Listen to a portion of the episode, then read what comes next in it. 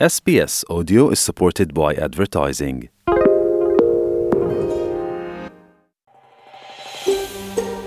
شما با پروگرام دری رادیوی SBS هستید گزارشات عالی را در sbs.com.au دری پیدا کنید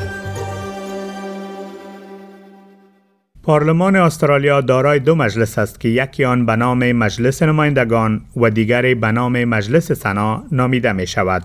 مجلس سنا به نام مجلس بزرگان مجلس اعلی یا اولیا نیز یاد می شود که متشکل از 76 عضو است. دوازده عضو از هر شش ایالت و دو, دو عضو از هر دو قلمرو یا تریتری استرالیا. نقش اصلی سنا بازبینی قوانینی است که از سوی حکومت برحال پیشنهاد می شوند. سناتوران برای یک دوره شش ساله انتخاب می شوند و در هر انتخابات نیم از اعضای آن انتخاب می شوند در حالی که نیم دیگر آن هنوز در سه سال اول دوران خدمتشان قرار دارند. رئیس مجلس سنا از سوی سناتورها بارای اکثریت آنها به این مقام می رسد قرار است تا به تاریخ 21 ماه می سال روان انتخابات فدرالی در سراسر استرالیا برگزار شود. در این انتخابات استرالیایی ها علاوه بر اعضای مجلس نمایندگان نیم از اعضای مجلس سنا را نیز تعیین می کنند. ایوان اکن سمیت از کمیسیون انتخابات استرالیا می گوید که در پروسه رای دادن به اعضای سنا شما یک انتخاب دارید. شما می توانید بالای خط برای احزاب یا گروه های مورد نظر خود رای دهید یا اگر می خواهید به کاندیدهای فردی رای بدهید می توانید در زیر خط رای دهید. او می افزد که بر اساس های رایگیری حداقل از یک تا شش انتخاب در بالای خط یا حداقل یک تا دوازده در زیر خط را انتخاب کرده می توانید.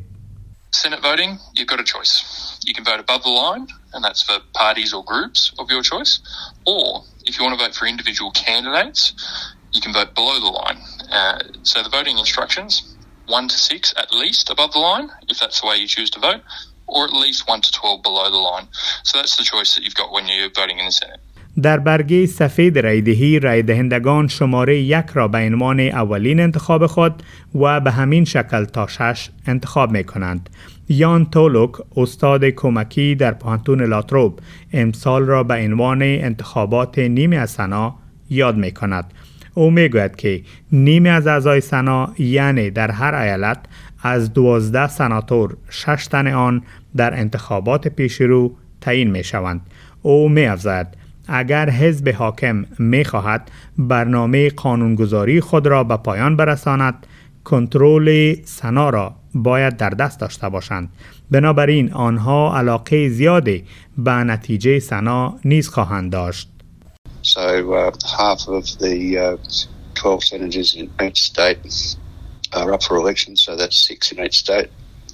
It's important for uh, the governing uh, party to have control of the Senate if they want to get their legislative program through.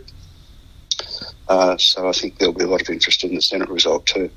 سناتورهای ایالت ها برای یک دوره شش ساله انتخاب می شوند که نیمه از آنها هر سه سال یک بار انتخاب می شوند در حالی که سناتورهای قلمروهای استرالیا فقط برای یک دوره سه ساله خدمت می کنند اعلان نتایج مجلس سنا معمولا هفته ها طول می کشد و شمارش کامل نیست تا ختم انتخابات تکمیل می شود.